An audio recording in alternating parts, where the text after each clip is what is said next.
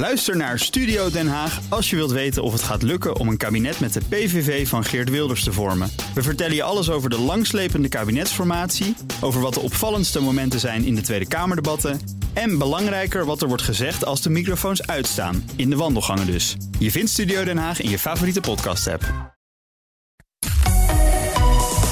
BNR Nieuwsradio. The Big Five. Art Rojakkers. Welkom bij BNR's Big Four deze week. De Big Four van Art. In deze laatste dagen van het jaar spreek ik vier gasten die een bijzonder jaar achter de rug hebben. Net als wij allemaal natuurlijk. Four en niet five dus. Morgen geen uitzending, want nieuwjaarsdag. Vandaag proberen we op een nou ja, bijna filosofische manier om te blikken naar het jaar dat achter ons ligt en naar het jaar dat eraan komt. En dat doe ik met schrijver en essayist van Voor NRC, Bas Heijnen. Goedemorgen. Goedemorgen. We hebben contact, want we spreken elkaar op afstand. Zometeen wil ik graag van je weten wat je verwacht voor komend ja. jaar. En, en eerst drie stellingen waar je met ja of nee op mag antwoorden. Nederland discussieert zichzelf kapot in crisistijd. Eh, ja. Nederland is geen land, maar een onderneming. Ja. Nederland is qua vaccinatiebeleid het lachertje van Europa. Mm, nee. Nee, het was, het was wel met een twijfel, die laatste. Ja, je zit er middenin, hè. Moet het ja of nee zijn. Ja. Ja, het lachertje van Europa. Dat moet allemaal nog blijken. Hè. Dat, eh, dat zien we over een maand, weten we meer. Ja, we spreken elkaar op afstand, ik zei het al. Je verdeelt je dagen tussen Parijs en Amsterdam. Ehm, nu zijn ze in Parijs, is mijn ervaring, met weinig anders bezig dan met Parijs zelf. Maar toch, als je je vrienden daar spreekt, hoe kijken zij naar hoe wij hier in Nederland omgaan met de pandemie? Eh, nou, eigenlijk niet. Nee, Inderdaad, dacht ik al. Zegt, eh, men kijkt niet zo over de grens. Nee.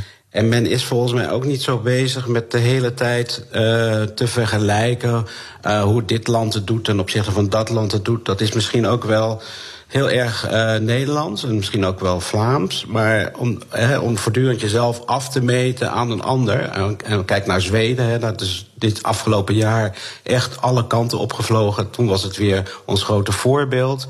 Eh, toen was het weer het lachertje, het eh, domme blondje van Europa. Ehm, dus eh, dat is wel heel Nederlands. En hier merk je ook in het algemeen dat mensen daar ook niet zo mee bezig zijn. Als je over mondkapjes begint, dan halen ze hun schouders op. Ze kijken een beetje zo van, ja, oké, eh, moet nu eenmaal.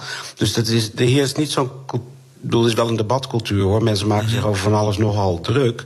Maar over die regels van de overheid, om dat meteen te dramatiseren en daar eindeloos over door te gaan, dat heb ik het gevoel eh, dat dat toch minder is. En je merkt ook wel, als je iemand aanspreekt op, dan je moet je er echt zelf over beginnen. Het is niet dat iedereen meteen begint over het dragen van een mondkapje, wat hier al trouwens veel langer eh, verplicht is, eigenlijk al vanaf oktober. Overal. Ja. Eh, oh, en ja, dat, men is daar gewoon niet zo. Op die zin, ja, men gaat er gewoon een beetje door met zijn leven. Je doet je mondkap op en je. Eh, ja, je, je gaat gewoon verder. Ja, ik begreep uit Eh, een van je stukken dat een eh, vriend van jezelf zei. Ik begreep uit een van je stukken dat een vriend van jezelf zei dat seks met een mondkapje zelfs mogelijk is. Ja, dat was met dezelfde mond. En hij zei: Ja, maar ik heb laatst seks gehad met een mondkapje. Dat was eigenlijk heel goed te doen. Ja, en, ik kan me er niks bij voorstellen. intieme relatie. Het zal niet de meest intieme relatie zijn geweest, maar ehm, ja, dat werkte dus. In, dus ik, ik zeg altijd, die lunches in Parijs duren niet voor niks zo lang. Ehm, dat is niet alleen om te eten. Ehm, dus eh, ja, nee, dat, eh, dat, dat gaat allemaal eh, redelijk. dus ik wil niet zeggen dat er hier helemaal niet discussies zijn. Maar het is hier toch, toch meer top-down. hè. De overheid beslist en dan doe je dan maar totdat het te gortig wordt en dan ga je de straat op. Ja.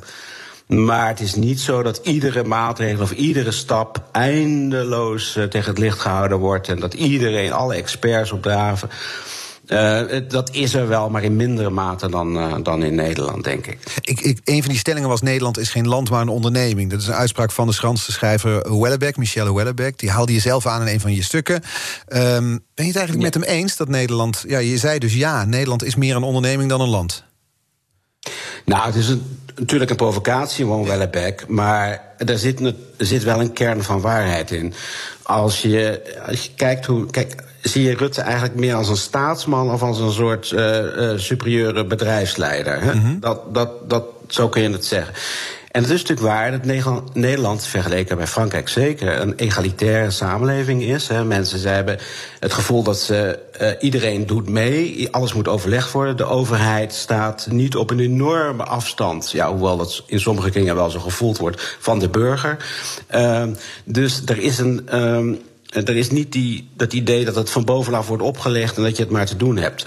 Uh, er wordt veel meer over, over gediscussieerd. Maar er is ook, en dat zegt Rutte ook steeds, eigen verantwoordelijkheid, individualisering. De overheid, dat is de laatste tien jaar natuurlijk de mantra geweest van, uh, van deze regering, maar eigenlijk van alle regeringen van de afgelopen decennia. De overheid trekt zich terug. Uh, en de burger die gaat dan weer voor zichzelf zorgen. Dat was in 2013 was dat de, uh, het geloofsartikel van de participatiesamenleving. He, iedereen gaat weer voor zichzelf zorgen. En de overheid speelt hoogstens als het waar het nodig is een beetje een, uh, een, een spelverdelende rol. Uh, dus dat betekent dat die burger steeds meer een soort, ja, een soort consumentburger wordt die zelf het voor zichzelf moet opknappen. En die overheid die geeft je niet het gevoel dat je samen tot een gemeenschap behoort, of dat je één land vormt, of één community, hoe je het ook wil noemen. Mm -hmm. En wat zegt dat uh, over hoe wij met waar... deze pandemie, hoe, wat zegt het over hoe wij met deze pandemie omgaan? Vanuit, dat, uh, vanuit die nou, uitspraak zo. bekeken? Ja? Zo, ik denk dat mensen verbaasd waren toen Rutte in maart plotseling een soort ernst. Die staat stond bekend dat hij toch wel heel veel dingen weglachte. Uh, en toen plotseling een soort ja, staatsmanachtige toespraak hield. Dat ging toen nog wel iets te veel over groepsimmuniteit. Maar uh, dat, was, dat maakte grote indruk. Alleen daarachter zag je niet een samenleving die. We vonden, iedereen, de meeste mensen vonden dat wel indrukwekkend. Maar dat werd niet gedragen door een beleid of door, door een gevoel van echte saamhorigheid. Dat duurde even en was kun je zeggen, misschien meer sentimenteel. Dat iedereen uh, zich uit, uh, met pot en pannen voor de zorg. Al die, dat was dus een opwelling. We gaan samen deze crisis bestrijden. Alleen, mm-hmm. je merkt als die samenleving niet zo in elkaar zit, dat daar ook niet zoveel van overblijft op een gegeven moment. En dan gaat het toch weer ieder voor zich. En moest ook wel ja, tegenwoordig moet ik altijd wel lachen dat iedereen natuurlijk zijn eigen beroep of zijn eigen ding essentieel vindt. Ja, we hebben allemaal een cruciaal beroep. Dat is ook heel logisch. Ja. Wat zeg je? We hebben allemaal een cruciaal ja, iedereen. Ja, want je ziet de wereld vanuit jouw gezichtpunt en niet vanuit het gezichtpunt van de samenleving. En dat is heel menselijk, maar in Nederland is dat wel heel erg. Uh, uh, individualistisch geworden. En dan is het vooral anderen de maat nemen dat ze niet dat ze over de lijntjes gaan of dat ze zich niet aan de regels houden. Of en dan krijg je die eindeloze Twitter-explosies van mensen die dan foto's posten van mensen die te dicht op elkaar zitten. Maar dat is niet een gevoel van gemeenschap en saamhorigheid natuurlijk. The Big Five. Art Rojakkers. Deze week niet de Big Five, maar de Big Four. Want morgen dus geen uitzending. We sluiten het jaar af met schrijver Bas Heijnen. Uh, komende maand komt zijn nieuwe boek Leugen en Waarheid uit... over de grote kwesties van onze tijd. Uh, een van de, misschien niet de grote... maar toch wel een belangrijke kwestie van de laatste dagen hier in Nederland... Bas, is die discussie over ons vaccinatieprogramma in Nederland. Het laatste Europese land dat gaat vaccineren zijn we. Pas op 8 januari beginnen we. Die, een van die stellingen was zijn met het lachertje van Europa. Daar zei je nee op, maar hoe, hoe kijk je daarnaar? Nou, kijk, ik kan in de technische details, daar weet ik natuurlijk te weinig van. Dus dan moet je ook niet uh, het is nou over oordelen. Maar wat je wel kunt zeggen, meestal als het in Nederland fout gaat, is dat het, uh, gaat het om twee dingen. Dat het overgeorganiseerd wordt, dat te veel mensen zich ermee bemoeien. En dat het gedecentraliseerd is. Dat er eigenlijk niet één grote leidinggevende kracht achter zit. Dat zie je uh, in zoveel, uh, zoveel gevallen gaat het mis. Als het over jeugdzorg gaat of over andere dingen. Dus ik denk dat hier, dat blijkt ook wel uit een analyse in De Groene van uh, afgelopen week. dat het beleid tot nu toe van Hugo de Jonge heel erg. Ja, iedere, iedere, iedere deelverantwoordelijkheid, die, iedere organisatie, ieder instituut, die moet op een bepaalde manier zijn eigen verantwoordelijkheid nemen. En dan merk je dat de minister eigenlijk veel meer een, zoals in dat artikel stond, een persvoorlichter wordt dan iemand die echt een, en zijn ministerie die echt een soort drijvende kracht achter met een, met een visie en een stip aan de horizon is uh, van het beleid. En het gaat altijd over heel veel schrijven in Nederland. En uh, het is niet zoals in andere landen dat het te weinig georganiseerd wordt, maar meestal te veel. En dan zie je dat het vaak spaak loopt, of dat het in procedures, dat het eindeloos, dat iedereen het met op elkaar moet afstemmen. En van wat ik ervan van afstand uh, van, van zie, lijkt me dat hier ook wel het geval. Ja. En dan gaat het onder het mantra van zorgvuldigheid. Maar dat, dat is altijd de mantra die gebruikt wordt. Ja, ja. Vandaag een Volkskrant interview zegt Jaap van Delden van het RIVM over de kritiek dat we zo traag zijn. Dat de media er een soort wedstrijdgevoel uh, van maken. En, maar dat het niet om het WK COVID-vaccinatie gaat. Vond ik ook wel een wonderlijke verklaring. ja. ja, kijk dat is wel in sommige omstandigheden zou dat een goed argument zijn. Omdat je dan zegt, ja, Nederland is snel oververhit. Hè. Het is nog niet dit. En dat komt denk ik ook. Uh, uh, dat is een ander aspect. Dat de verwachting in Nederland. Men, ne, kijk, Nederlanders vindt zichzelf echt wel behoorlijk superieur altijd. Dus mm -hmm. men vindt het zichzelf best georganiseerd. Men vindt zich best geweldig. Dus als er iets fout gaat, krijg je ook meteen moord en brand. Ja. In plaats dat die mythe van dat. Hè, die mythe van die, die, die zelfgenoegzaamheid een beetje wordt doorgeprikt. Zo ja, uh, hè, we worden niet uh, bestuurd door genieën. En we, we moeten het ook maar met vallen opstaan proberen het een beetje te redden. In sommige landen zijn ze dat wel gewend, want die, die, zo kijken zij ook naar zichzelf en naar de overheid. In Nederland is het altijd van ja, wij zijn eigenlijk de beste en kijk eens wat, hoe het nu misgaat. En ja. dan loopt het snel hoog op. Dus in die zin kan je, is dat wel waar. Dat, dat, dat ja, één week uitstel en, en het land uh, is in rep en roer. En dat is elke dag weer wat. Dus dat, je ziet het elke keer dat het gaat voorlopig ook niet weg. Nee. Maar dus uh, aan de andere kant. Sorry, ga je gang. Ja? Nou ja, wat jij zei, en dat hoor ik een beetje in jouw vraag, dat is dat die. Het is ook wel een manier om te zeggen, nou ja, Nederland, die, uh, om alles goed te praten. En je, je, je merkt wel dat. Uh, mensen hebben nu toch wel een jaar lang, zo ongeveer bijna, met deze crisis te maken. Van een toch wel behoorlijk zwalkend beleid. Erratic, las ik in een buitenlandse krant. Dus echt, echt ja, dan weer dit, dit signaal afgeven, dan weer een ander signaal afgeven. En natuurlijk is het vallen en opstaan voor iedere regering. Hè. Ik, ik, ik heb geschreven, ieder land komt zichzelf tegen nu. Mm-hmm. Het is niet zozeer dat je naar andere landen moet kijken, maar je, kom, je ziet je eigen zwakke plekken. En uh, ja, dan is het wel een beetje die zelfgenoegzaamheid van, van ik, weet, ik weet niet wie je net citeerde, maar van het RIVM. Ja. Zo van, nou ja, joh, rustig maar. Hè, dat beetje bevoogdende, vaderlijke. Zo van, nou ja, het is een soort kleuterklas, maar goed, laat ons nou maar even, dan komt het wel goed. En dat is, dat is in na een jaar waar mensen toch echt veel te slikken hebben gehad. Zowel natuurlijk als je met, met de ziekte zelf te maken hebt gehad, direct of indirect. Mm-hmm of economisch klappen hebt gehad, maar ook psychologisch. Dat je toch heel veel zuurstof in je sociale leven bent kwijtgeraakt. Uh, dan is dit niet helemaal de toon die je moet aanslaan, denk ik. Nee, en dat, een toon die aangeslagen werd door Rutte, daar, daar zou ik eigenlijk naar terug willen gaan. Daar, daar had je ja. het ook over in je uh, SC. 23 december stond het in het NRC onder de schitterende kop. Dat maak ik zelf wel uit. Uh, over hoe wij omgaan met de pandemie, onder andere. En daarin citeerde je Rutte, die zei: Wij zijn geen kleuterland. En die woorden van Rutte vatten onze cultuur en onze omgang met deze pandemie wellicht. En ook onze blik op onszelf wellicht goed samen.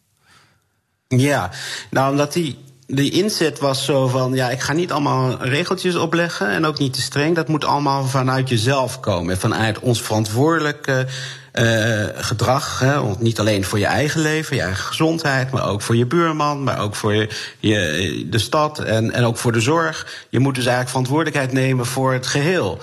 Uh, dus ik ga, dat, ga jullie dat, dat ga ik je 15 miljoen mensen, je kent het lied, die zeggen, die ga je niet vertellen wat ze moeten doen. Dat komt vanuit de mensen zelf. Maar door dat, eerlijk gezegd, is dat ook wel een mythe. Uh, omdat, ja, hij heeft die, wat ik in het begin van het gesprek zei, die saamhorigheid en het gevoel van gemeenschap. In een bedrijfsmatig geleid land, waar iedere individu eigenlijk alleen maar gekeken wordt naar individuele belangen die je op elkaar moet afstemmen, om het maar even sec te zeggen, kan je niet een beroep doen op, die op dat gemeenschapsgevoel, want dat is geërodeerd. En misschien was het al nooit heel sterk in Nederland. Dus dan zegt is geen kleuterland, ik hoef jullie niet te zeggen wat jullie moeten doen. Maar vervolgens zie je het afgelopen jaar wat er van komt, als er niet heldere richtlijnen zijn. En ik ben wat dat betreft redelijk conservatief. Ik vind als je zo'n crisis meemaakt, dan moet je echt een sterke overheid hebben die. En natuurlijk maakt die fouten. En, bedoel, niemand weet precies wat er gedaan moet worden. Dus er wordt, wordt bijgestuurd. Maar je moet wel richtlijnen hebben waar je, als je ergens binnenloopt, moet er een pijl op de grond staan welke kant je op moet lopen. Als je het allemaal zelf moet uitdokteren, ja, dan krijg je heel veel kakeel. En ik schrijf volgens mij in het stuk ook van ja, als je de verantwoordelijkheid steeds maar bij de burger legt, dan moet je ook niet schrikken als die op een gegeven moment zich overal mee gaat bemoeien. Ja. En, dat zie je natuurlijk. En dan hebben mensen theorietjes gevonden, of men weet precies hoe het met het mondkapje zit. Dan krijg je dus een enorme uh, pandemonium van meningen en stemmen. En dat is misschien een van jouw stellingen. Dan discussiëren we ons uh, elkaar kapot. Ja. Maar wat stel nou, hè, stel dat vraag is altijd ingewikkeld. Maar stel nou dat Rutte er on-Nederlands op had gereageerd op deze pandemie. En alle regie helemaal centraal naar zich toe had getrokken. Um, hoe, hoe, had het dan, hadden wij dat gepikt dan, als, als Nederland discussie? Uh, nou, het Franse model hadden wij niet gepikt, nee. Dus uh, Macron die zegt het is oorlog. En dat betekent, geef nu mij allemaal, uh, geef mij maar, laat mij het maar doen. Want dan sleep ik jullie de oorlog door. Dat, is, dat werkt, daar heeft Rutte gelijk. En dat, zo werkt het niet. Maar de andere kant is, als je alles afschuift op de burger... wat natuurlijk, hè, dat, dat echt het neoliberale beleid van de tien, afgelopen tien jaar is geweest. Dat je zorgt maar voor jezelf. Dat is wel het andere uiterste. En, het is, denk ik, en dat zou een van de winstpunten, maar je moet maar kijken met de Nederlandse afwachten met de Nederlandse politiek. Een van de winstpunten van deze crisis zou kunnen zijn als er echt geëvalueerd gaat worden, over een toch wel behoorlijk lange tijd, uh, vrees ik. Mhm. Maar als er geëvalueerd gaat worden, dan kun je zeggen: ja, wat, wat verwachten we eigenlijk van die overheid? Hoe, wat is dat een soort. Is dat een soort eh, noodzakelijk kwaad? Of is het een kracht en ook wel een morele kracht? Zeker als het gaat over crisis. Hè. Het gaat niet alleen over economie. Het gaat ook over mensen die psychische uh, problemen hebben met aangeslagen zijn door dit. Rutte heeft nog geen enkele toespraak gehouden, of de jongen of wie dan ook, waarin een soort, waarin juist dat dat psychologische effect van die crisis. Hè, dat mensen die niet in het ziekenhuis liggen, maar wel heel veel van hun inkomsten. Ik zag net in de nieuwsflash ook weer. Mensen toch bang zijn dat hun, hun, uh, hun zaak omvalt.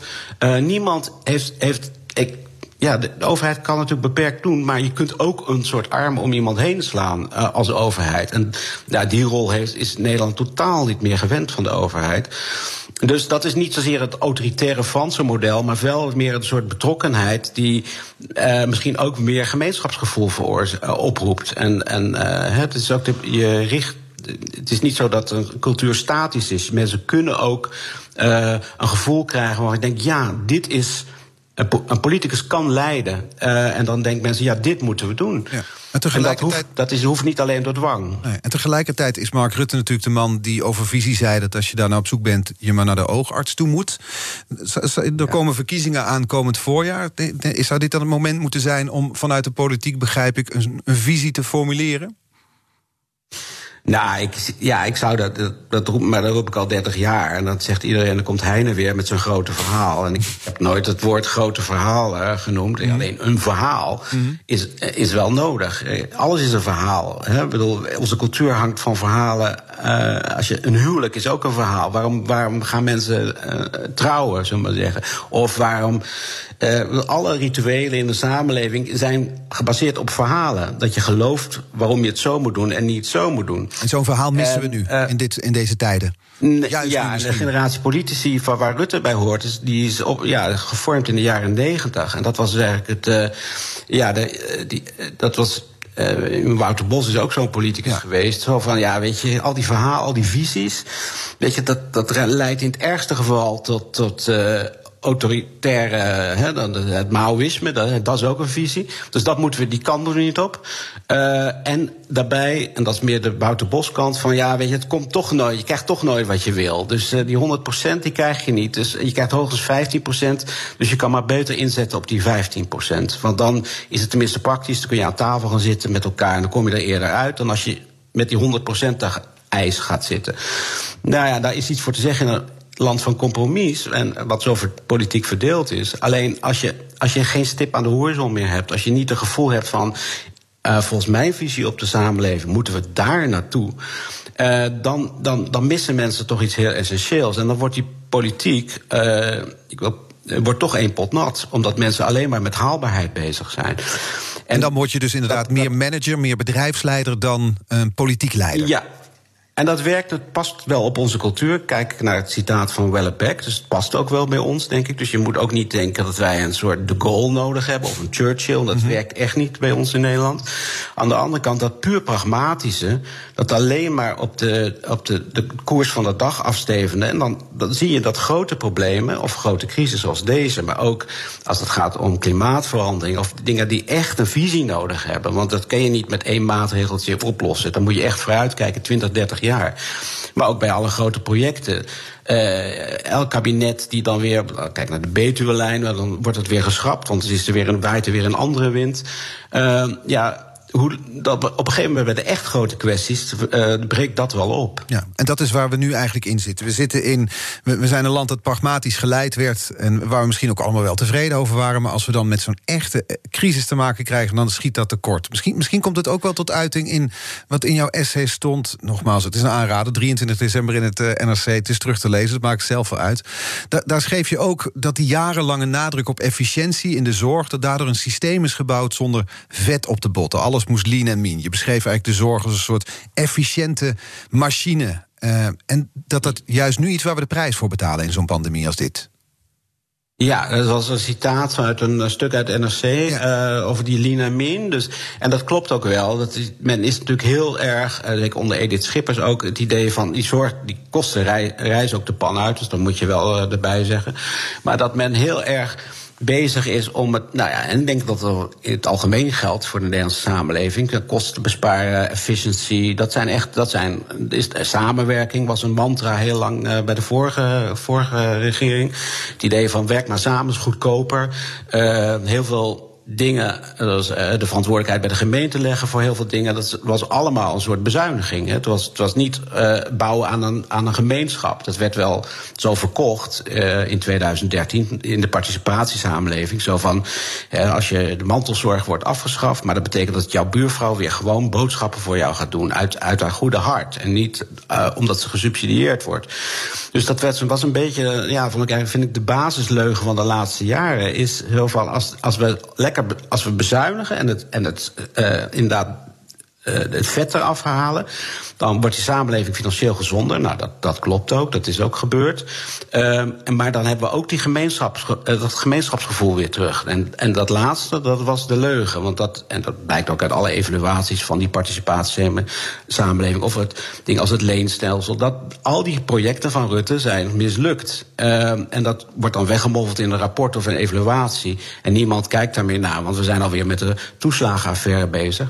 Maar het zou goed zijn om eens terug te kijken dat dat, dat, dat gevoel van gemeenschap, dat gevoel van een samenleving, ja, dat is de laatste. Dat, dat is, daar is niets aan gedaan. En dat komen we nu tegen. En dan kun je nog zo pragmatisch zijn. Dat is op zich heel goed hoor. Ik bedoel, dat pragmatisme is in sommige landen. Kijk naar Frankrijk in, op sommige gebieden.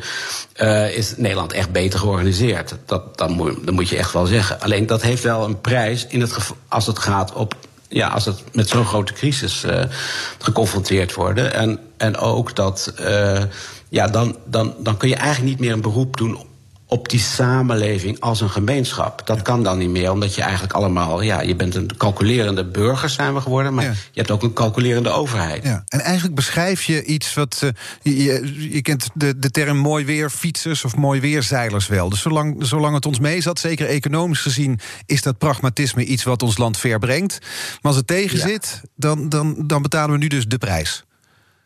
Ja, en ik denk als je naar, toch maar even naar een ander land kijkt, naar Duitsland kijkt, ik denk dat daar toch het gevoel is van ja, we moeten ook voor de toekomst zorgen. En in Nederland was dat denk ik ook wel. Uh, heel lang het geval. Uh, in dat stuk in de Groene beschrijft ook dat er vroeger altijd werden een soort uh, brochures verspreid naar alle zorginstellingen als voor als er een keer een grote ramp zou gebeuren. Dus dat was een soort die scenario's die werden eigenlijk voortdurend onderhouden en bijgesteld. En dat, en dat is veranderd. Dus dat is het idee van naar de toekomst kijken. Mm-hmm. Of dat, dat je rekening houdt met iets wat nu geld kost. Maar mocht er iets ergs gebeuren, dan ben je in ieder geval sta je klaar om daar het hoofd te bieden. Dat is uh, in Nederland gebeurd ermee. Kijk naar de Delta-werken, dat is fantastisch. Maar dan was natuurlijk eerst de waternoodramp voor nodig. Ja. Dat is een beetje zoals het in Nederland werkt. Ja, ja. Mijn gast vandaag. En dat is heel menselijk hoor. Dus, maar ik denk dat er in in sommige landen is het net iets meer van vooruitkijken. Van goh, we, we, moeten zorgen voor deze voor onze natie. Voor de, als we het toch over nationalisme hebben, dan moeten we zorgen voor de mensen die in dit land wonen.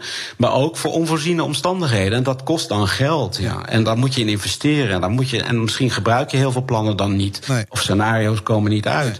Maar dat is denk ik niet heel sterk ontwikkeld op dit moment. Gaan er straks verder over spreken met schrijver Bas Heijnen. Iemand die pendelt tussen Nederland en Frankrijk... en dus ook goed die verschillen kan zien in crisisaanpak. Daar gaan we het over hebben. En ook wat er gebeurde tussen het op potten en pannen slaan... voor de zorg in de eerste golf... en op potten en pannen slaan voor het torentje... tijdens de speech van Mark Rutte in de tweede lockdown. Tot zo. BNR Nieuwsradio. The Big Five. Art Rojakkers. Welkom bij het tweede halfuur van BNR's Big Five. Nou, Big Four deze week. Vier mensen die ik graag in de laatste week van het jaar wil spreken. Vandaag de gast Bas Heijnen, schrijver en essayist voor NRC. En een man die zichzelf toerekent tot de beschouwende klasse. En die draaide, in zijn woorden, dit jaar overuren in parmantige duidingsdrift. Nou, dat gaan we de komende half uur ook nog eens even doen. Want uh, Bas, je, ik zei het net al, je zou er bijna nostalgisch van worden. In die eerste weken van de intelligente lockdown... leek als één man achter beleid staan. Er was eensgezindheid we klapten voor de zorg. We bekommerden ons om elkaar. En dat is toch wel verbrokkeld, dat gevoel. Waar, waar zijn we dat kwijtgeraakt? Uh, nou, kijk, op een bepaald niveau is het heel simpel. Uh, toen was het natuurlijk toch redelijk abstract. Was wel, hè, de ziekenhuizen liepen vol. Maar laten we zeggen, de impact van die crisis en het besef van wat het en hoe lang het zou gaan duren, dat was al die. Het moest echt nog heel erg indalen. Dus dan heb je heel snel dat je in een soort emotie wordt meegenomen. Maar vervolgens ga je echt. Uh, ja, dan krijg je de klappen. Uh, B krijg je de sleur. Uh, dus dan, dan, dan moeten er steeds nieuwe impulsen. Dus laten we de eerste persconferentie zit iedereen ademloos te luisteren. Ja. Maar de 25e persconferentie denk je van uh, we zijn geen kleuterklas. schiet op, geef die maatregelen gewoon. Hebben we dus, Hugo die weer met zijn, met zijn beeldspraak. Ja, precies. En ja, weet je, dat, dat verwatert heel snel. En, en er is ook wel één aspect. Dat Nederland is wel een beetje de neiging om de wedstrijd. Uh, dat je de wedstrijd. te denken dat je de wedstrijd gewonnen hebt voordat je hem gespeeld hebt. ja. Uh, en, en dat zit er ook wel een beetje in, weet je. Het was, het is, was, heel het was ook sentimenteel. Dat idee dat je, dat je denkt van, goh... En het is ook heel lastig om, om dat gevoel vast te houden. Uh, en je moet denk ik ook wel, ja, ik, ik denk dat de meeste mensen dat wel hebben. Je wordt ook wel aangesproken op je. Uh, ja, wat je, de inner resources, je innerlijke uh, de, de, kracht die je van binnen hebt, als je, als je leven echt wel op een bepaalde manier beperkt of dat je te maken krijgt met die ziekte, of dat, dat je bedrijf slecht gaat, dan komt het toch, ja, dan heb je niet zoveel aan Mark Rutte. Dan, dan komt het toch aan op wat je van binnen vindt, in jezelf of in je naaste omgeving. En, en dat is veel lastiger dan, dan uh, Rutte een duim omhoog geven of met een pand te slaan voor de zorg.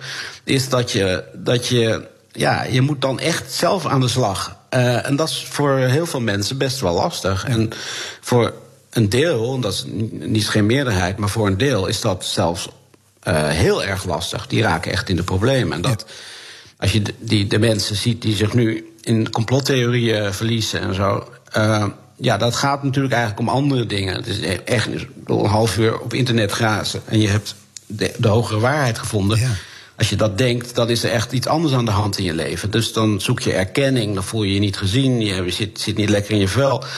Uh, dus uh, ja, dus die crisis, de impact van die crisis. Uh, ja, die is nu, die is, wordt, is nu gevoeld. En uh, in, in maart was die was het meer een idee? Nee, was het misschien ook nog wat meer Hollands glorie, Nederlands trots. Wij hebben die intelligente lockdown, wij gaan dit virus eronder krijgen... en we doen het niet zo lomp en zo autoritair als al die andere Europese landen. We keken dan naar Mark Rutte. Maar daarna begon het inderdaad af te brokkelen. Als we nog een treetje hoger, hoger kijken, hebben we de koning... Met, uh, als we kijken naar het gemeenschapsgevoel... die, die dacht op, op vakantie te kunnen naar Griekenland... en kwam toen ook weer hals over kap weer terug. Dat, dat doet ook weinig goed voor de gemeenschapszin, kan ik me voorstellen. Nee, want dat is natuurlijk in die zin is het verschil tussen de koning en, en de mensen door wie je bestuurd wordt is ook niet zo groot. Het is allemaal heel erg. Maar die, die, die, die, kersttoespraak is altijd een oproep voor saamhorigheid. Die, die, en voor gemeenschapsgevoel. En voor uh, elkaar, uh, dat we elkaar verantwoordelijkheid, verantwoordelijkheid voor elkaar moeten nemen. Uh, nou, dat, zijn allemaal gevoelens. Ja, wie zet daar niet een handtekening onder? Hè? Wie voelt, denkt niet van ja, zo moet het. Alleen als je dan naar de de alledaagse praktijk kijkt, zie je dat dat, dat, dat daar vaak tekort schiet. En dan wordt iedereen zo boos en gaat iedereen boos twitteren. Uh, maar het is. Uh, het, de koning zelf. Die, die, die zegt ook maar een lesje op, zullen zeggen. Je voelt niet echt heel erg dat het van binnenuit komt, om het maar even Alhoewel hij me wel een zin heeft opgeleverd die ik nu vaak toch wel gebruik als ik iets verkeerd heb gedaan. Ik kan dan toch zeggen: ik ben betrokken, maar niet onfeilbaar. Dat wordt meestal wel gepikt dan. Ja, ja maar dat is, dat is al in Nederland sinds uh, Lubbers is dat het excuus. Dat is ook heel slim meteen zeggen, ja, ik had het niet moeten doen. Ja. Uh, want dan heb je natuurlijk alle, alle hooivorken die klaarstaan en zo. Ja, alle mensen die uh, de les willen lezen, die, die, ja, die, die geef je dan eigenlijk, ontneem je eigenlijk iedere, iedere zin. Dus Precies. dat is... Ja dat is denk ik ook heel verstandig. Dus als crisismanagement is het redelijk gedaan. Ja. Maar, maar, waar ik nog benieuwd naar ben, is, is in die eerste fase, daar had je het al over. We stonden toen met potten en pannen uit ons raam te, te slaan voor de zorg. Dat verwerkt naar met potten en pannen voor het torentje staan. Toen Mark Rutte het land toesprak. Dat zijn wel twee uitersten. Ja, nou, dat was natuurlijk een kleine groep, maar die, ik denk dat er heel veel mensen achter zitten die misschien niet uh, daar bij het toortje gaan staan uh, schreeuwen, maar die wel uh, een zo diepe onvrede hebben met. ja, met de autoriteiten, met, mm met, het, met het establishment, met de elites. maar dat is natuurlijk al heel lang aan de hand in Nederland. En die, die werd alleen zichtbaar nu. Die, nou, die, dat, die, die nemen de kleur aan als chameleons van de crisissen van het moment. Dus je ziet dat eigenlijk aan het beleid van uh, uh, Thierry Baudet, toen dat nog een partij van uh, enige formaat was, althans in de, in de peilingen. in het begin was, het, was, de, uh, was hij enorm voor een strenge lockdown. Hè. Dat Rutte was niet streng genoeg. Mm -hmm. Die intelligente lockdown, dat kon niet. Moest echt, en al heel vroeg, volledig lockdown. Nou, misschien was dat wel een heel goed punt. Uh, maar toen draaide hij eigenlijk, toen, toen de regels wat strenger werden... en, en Nederland uh, wel meer, uh, meer beperkingen op ging leggen... toen sloeg het helemaal naar de andere kant op... En toen was het opeens anderhalve meter was onzin en uh, dit en dat. Nou ja, toen was het draaide. En dan zie je dus dat dat zo'n zo politicus, als je hem zo wil noemen, dat die uh, eigenlijk zijn gedachten en ideeën puur laat bepalen door de afkeer van het establishment, in dit geval Mark Rutte, of uit oogmerk van de verkiezingen die eraan komen. Dus dat heeft met principes op het overtuigingen helemaal niets te maken. Uh, ja, dus je merkt eigenlijk dat de, de, onvrede die er is, die al heel lang in Nederland is, bij een deel van de bevolking, hè, dat gaat dan om 15, hoogst 20 procent. Mm Diepe onvrede met het establishment, met de, de, de kanten die we opgaan. Uh, dat die uh, eigenlijk de kleur aanneemt van de crisis van het moment. Dus uh, als het plotseling George Soros wordt, of dat het uh, mond, mondkapje als, als dwangmiddel van de overheid of zo. Dus die emoties blijven hetzelfde, maar de, de, de, de vorm die het krijgt, wordt eigenlijk, ja, die, die voegt zich naar het, de ophef van het moment. Ja. En ja, dat, de, dus die, die, die mensen die staan bij het toortje stonden, dat is ja, kun je, dat, dat heb ik ook een beetje zo opgeschreven. Kun je ook zeggen, ja, dat is precies die burger van Rutte die zijn eigen verantwoordelijkheid neemt. Dat is niet de verantwoordelijkheid die Rutte graag had willen zien, zou ik maar zeggen. Nee, maar nee. ja, als je alles overlaat aan de burger, krijg je ook dit. Dus wat dat betreft moest ik ook wel lachen eigenlijk. Ik vond het niet zo erg. Iedereen sprak er natuurlijk schande van, want dat is een beetje wat, uh, hè, dat, dat doe je niet. Maar ik, Wordt niet. moest er eigenlijk wel om lachen. Hm. Nog, nog zo'n typische uh, corona ja, aspect wil ik er graag bij halen. Uh, we, we, hebben het in dit land heel lang gehad over doorhoud dit jaar. Doorhoud, dat was die term. Van, van Jort Kelder had het ja. erover. Marianne Zwageman had het erover.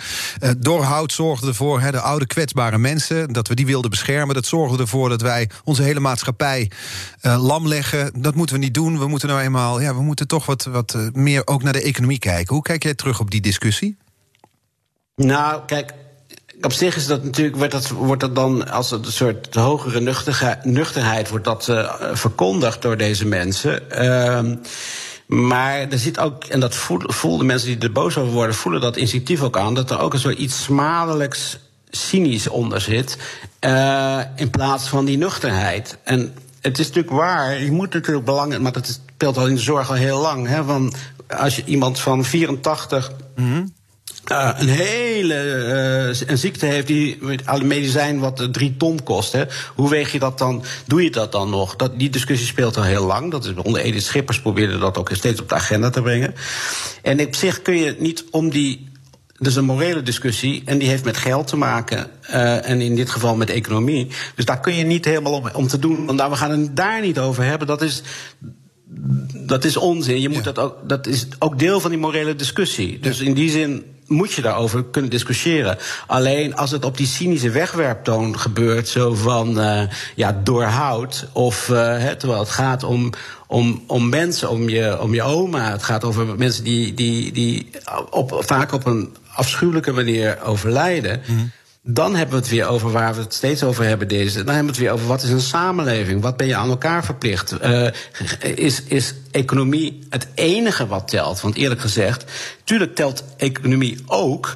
Maar als je een soort houding hebt dat economie ongeveer het enige is wat telt. En dat is een beetje de Jort Kelder toon. Zo mhm. van, uh, ja, waar ben ik waar die kwijlende bejaarden? Of wat, wat je ook precies zei. Uh, daar, heb, daar ga ik, waarom moeten jongeren daaronder lijden? Dat is die, dat cynisme wat we natuurlijk al en, en ja, dat natuurlijk uitgedragen is door juist dat neoliberale idee waar Jort Kelder het product van is. Ja. Uh, dus de, eh, kijk, als, als je voelt bij Jort Kelder zou voelen een diepe betrokkenheid bij die mensen die in het ziekenhuis liggen. Als je een, een echte uh, dilemma voelt bij hem, een echte ambivalentie, zo van ja, de, de, pijn voelt bij hem. Maar die, eerlijk gezegd, ja, misschien dat ik iets over het hoofd zie. Mm maar ik ga het niet vragen of jij hem wel ziet. Maar ik zie die pijn niet. Nee. Bij nog uh, Marianne Zwageman, nog bij Jort Kelder. Nou, ik, ik, keek naar het, boek Mens Onmens. Daar, daar, schrijf je over de implosie van het communisme. Uh, en dat we sindsdien dat gebeurde.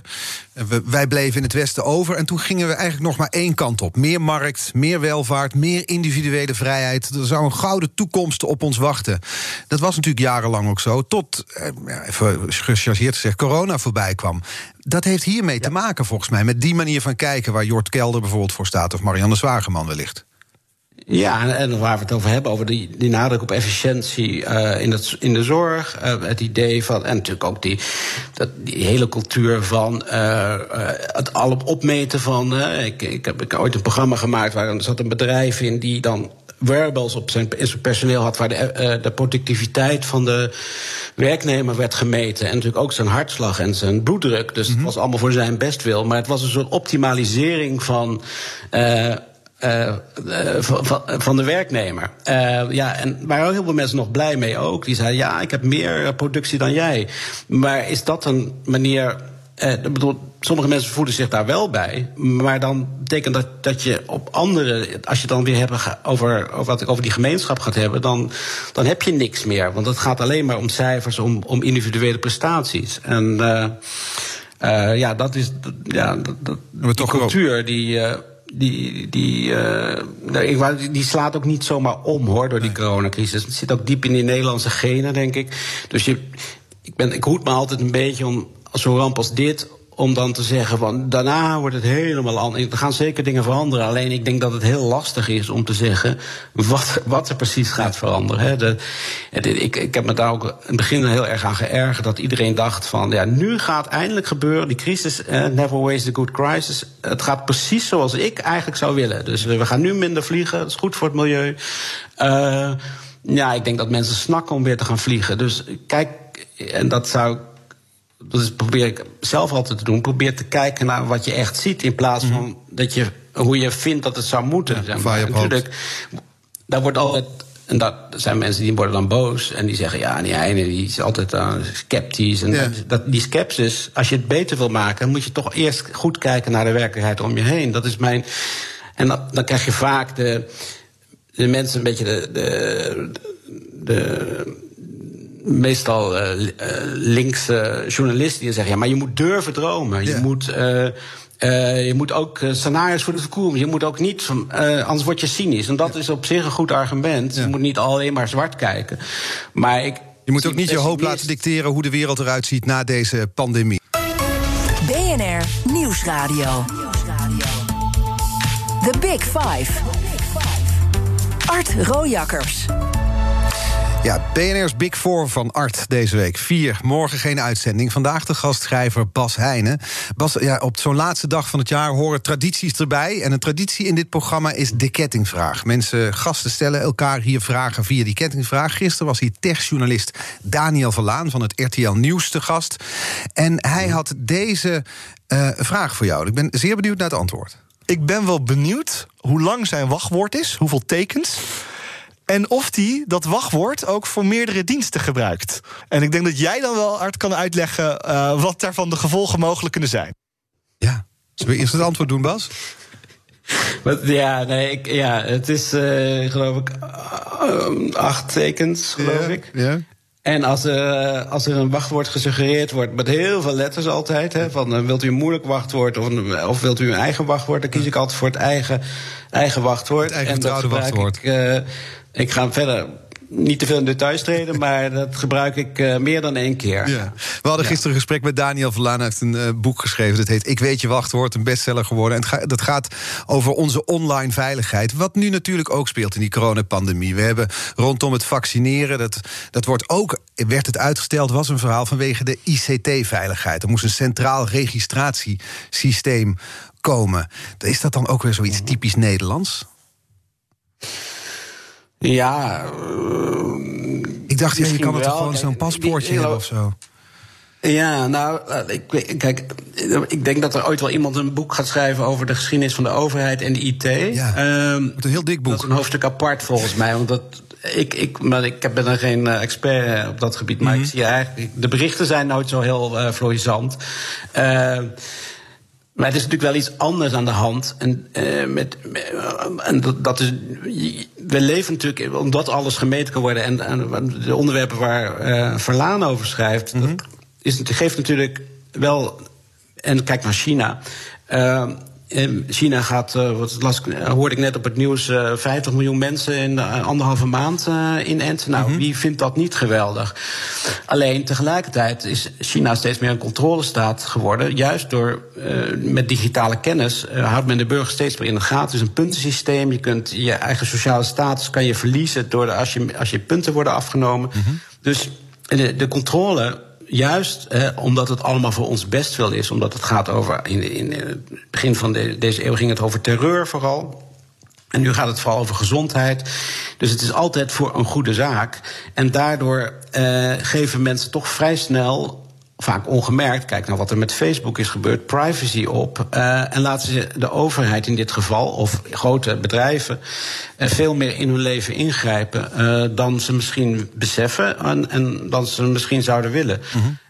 en dat, dat is ook wel een vraag die deze crisis oproept. En dat ging natuurlijk met die corona-app. En dat ging natuurlijk over die, die wet die, die er zou komen.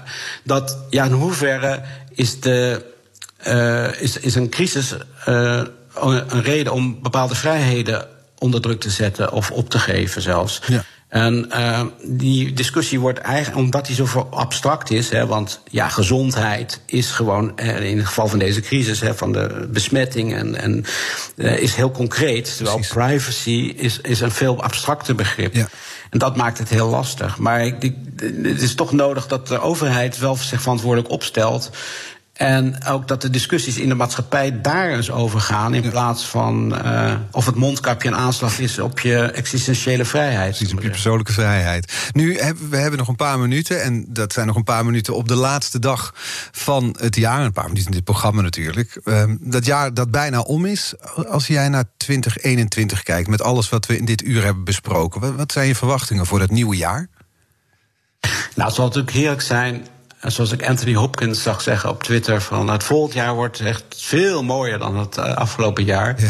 Uh, ik denk ook weer, ja, dat is die sceptisch weer. Ik denk dat je goed moet kijken. Je, als je naar deze pandemie krijgt, waar we toch al bijna een jaar in zitten, dan heb je dat heb je het medische aspect, het, het, het, het, economische aspect en het psychologische aspect. En met alle drie zullen we, en denk ik, nog wel een jaar bezig zijn. Mm -hmm. uh, uh, het medische, de, de, vaccins komen eraan, maar ja, dat gaat natuurlijk af en toe mis of het gaat niet goed.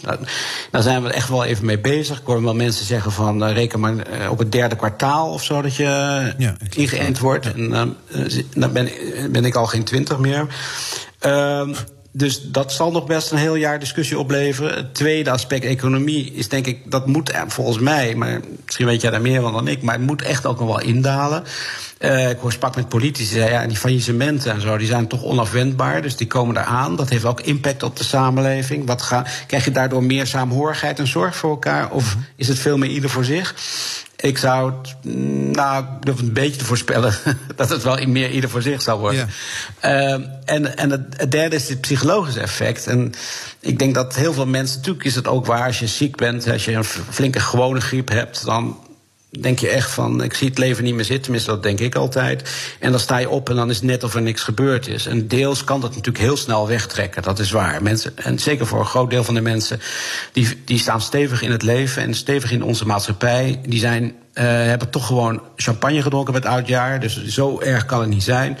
Dus die, die, die, die negatieve effecten trekken vrij snel weg. Ik denk dat dat best wel het geval kan zijn. Maar voor een hele, best wel een grote groep zal dat niet zo zijn. En laten we zeggen, die zaten voor de crisis ook al niet zo goed in hun vel. En hoe dat zich gaat ontwikkelen. Uh, ja, dat zie je bijvoorbeeld bij Baudet in, in zijn wanop wanhoopsoffensief dat je nu alles echt op die, op die groep gooit. Dus die mensen die totaal geen uh, uh, vertrouwen meer in de overheid hebben. Uh, die, die iedere, de Europese Unie als één, terwijl die het niet, zo, niet mhm. slecht gedaan heeft nee. de, afgelopen tijd, in het geval van Brexit en, en ook met deze pandemie.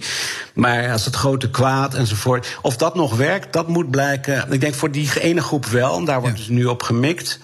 Ehm, maar ik denk voor de meerderheid zal dat vertrouwen in Europa denk ik eerder toenemen. Dus, dus ik zie ook niet alleen maar.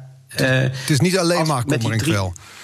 Nou ja, met die drie gevolgen, die, die zullen zwaar op onze uh, schouders rusten. Ja. Alleen dat betekent niet dat de, dat de effecten alleen maar negatief zullen zijn. Er nee. kan meer vertrouwen komen zijn in een overheid die, die wat meer betrokken is bij de burger. Er kan meer uh, vertrouwen in Europa komen. Dus in dat betreft hoeft het niet allemaal. Uh, het feit dat het erg is, betekent niet dat het allemaal uh, nog veel erger wordt. Zullen zeggen. Of dat we dan daar vreselijk onder gaan leiden. Het kan ook, en dat zie je ook, dat wil ik dat toch even positief uh, ja. uh, eindigen. Is die enorme creativiteit die afgelopen jaar is losgekomen in Nederland. Als je, dat zal jij zelf ook voorbeelden ja. hebben van mensen die in de, ook in, in, de za in theaters, maar ook in, in andere segmenten van de samenleving, dat iedereen zo snel allemaal manieren heeft gevonden om met die ja, toch benarde situatie om te gaan. Precies. Om toch uh, de dingen te doen die ze willen doen, op nieuwe manieren. En nou, soms. Uh, en dat sluit ook mooi aan. Voor... Sorry dat ik je onderbreek, maar dat sluit heel mooi ja. aan bij het thema dat we volgende week hebben in dit programma. In de Big Five van de creatieve denkers. Dan begint mijn collega Diana Matroos aan haar week.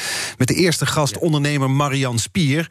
Die kettingvraag die jij kreeg, mag je weer aan haar stellen. Wat zou je van die Marian Spier willen weten? Als het over creativiteit gaat en over uh, uh, vernieuwing, dan is de, het, het, grote probleem voor alle mensen, maar vooral in Nederlanders in het bijzonder, is vaak dat mensen heel uh, makkelijk uh, plannen hebben, dingen ontwerpen of standpunten hebben. Geval bijvoorbeeld politieke standpunten over vrouwen in het bedrijfsleven. Daar is hij ook mee bezig. Uh, dus men is progressief vaak. Men heeft hele creatieve ideeën over hoe het moet. Alleen dan zie je, en dat hebben we het afgelopen jaar natuurlijk ook vaak gezien, is dat het in de uitwerking vaak achterblijft. Dat, dat mensen vaak het al heel wat vinden dat ze iets prachtigs vinden en mooie idealen hebben. Ja. Maar dan eigenlijk vergeten daar ook nog handen en voeten aan te geven. En ja. ik zou haar willen vragen: hoe doe je dat? Hoe maak je idealen praktisch? Oké, okay, dat gaan we Marian Spier vragen, hoe je idealen praktisch maakt. Ik, ik, zag dat er een avondklok is in Parijs. Die gaat om negen uur in, ook vanavond. Wat voor oud en nieuw wordt het uh, daar? Acht uur al. Acht uur? Acht uur ja. ja. Nou moet ik zeggen dat ik in Amsterdam ook niet s'avonds heel veel over straat ging. Nee, maar juist met oud en nieuw. Uh, omdat er gewoon niks te doen is. Ja. Uh, maar het is, en ik, als ik eerlijk mag zijn, dat is als je bij mensen gegeten hebt en je stapt meteen in een taxi en je stapt voor je eigen deur weer uit. Of een dan, nou, dat mag niet. Maar dat, mag, niemand let op. Mensen, doen, nee. mensen doen het wel gewoon. Ja, wie gaat het. Dus, en dat is natuurlijk ook qua besmetting natuurlijk ook ja, miniem. Want je komt ja. van twee mensen en je gaat uh, naar huis met twee mensen. Dus ja. het is, dat is. Maar het is natuurlijk. Nee, Parijs. Nee. Het zal, een, het zal een heel ander oud en nieuw worden. Ik, ik wens je een fijne jaarwisseling. En dank voor de woorden ik in deze laatste uitzending van uh, BNR's Big Five van het jaar. Dank Bas Heijnen. En is er nog één iemand die ik graag wil danken. En dat is een man die, jullie als luisteraar eigenlijk nooit gehoord hebben, maar zonder wie dit programma uh, helemaal niet mogelijk was uh, de afgelopen tijd. Dat is redacteur Robin Vink. Werkt 13 jaar bij deze gele familie, zoals het heet, bij BNR. En hij gaat ons verlaten. Hij gaat freelancen. Hij gaat onder andere in Limburg aan de slag. En in de media gaan we nog veel horen. Maar hij gaat hier bij BNR door heel veel mensen gemist worden. Door mij in ieder geval wel. We waren een team de afgelopen maanden. Ik wil hem bedanken. Volgens mij gaan we allemaal missen. Dus voor Robin een mooie auto nieuw. Voor ons allemaal een mooie auto nieuw. Voor jullie ook. En tot volgend jaar. Ook Harm Edens vind je in de BNR-app. Je kunt BNR Duurzaam niet alleen live luisteren in de app, maar ook terugluisteren als podcast, zoals al onze podcasts. En naast dat de BNR-app Breaking News meldt, houden we je ook op de hoogte van het laatste zakelijke nieuws. Download nu de gratis BNR-app en blijf scherp.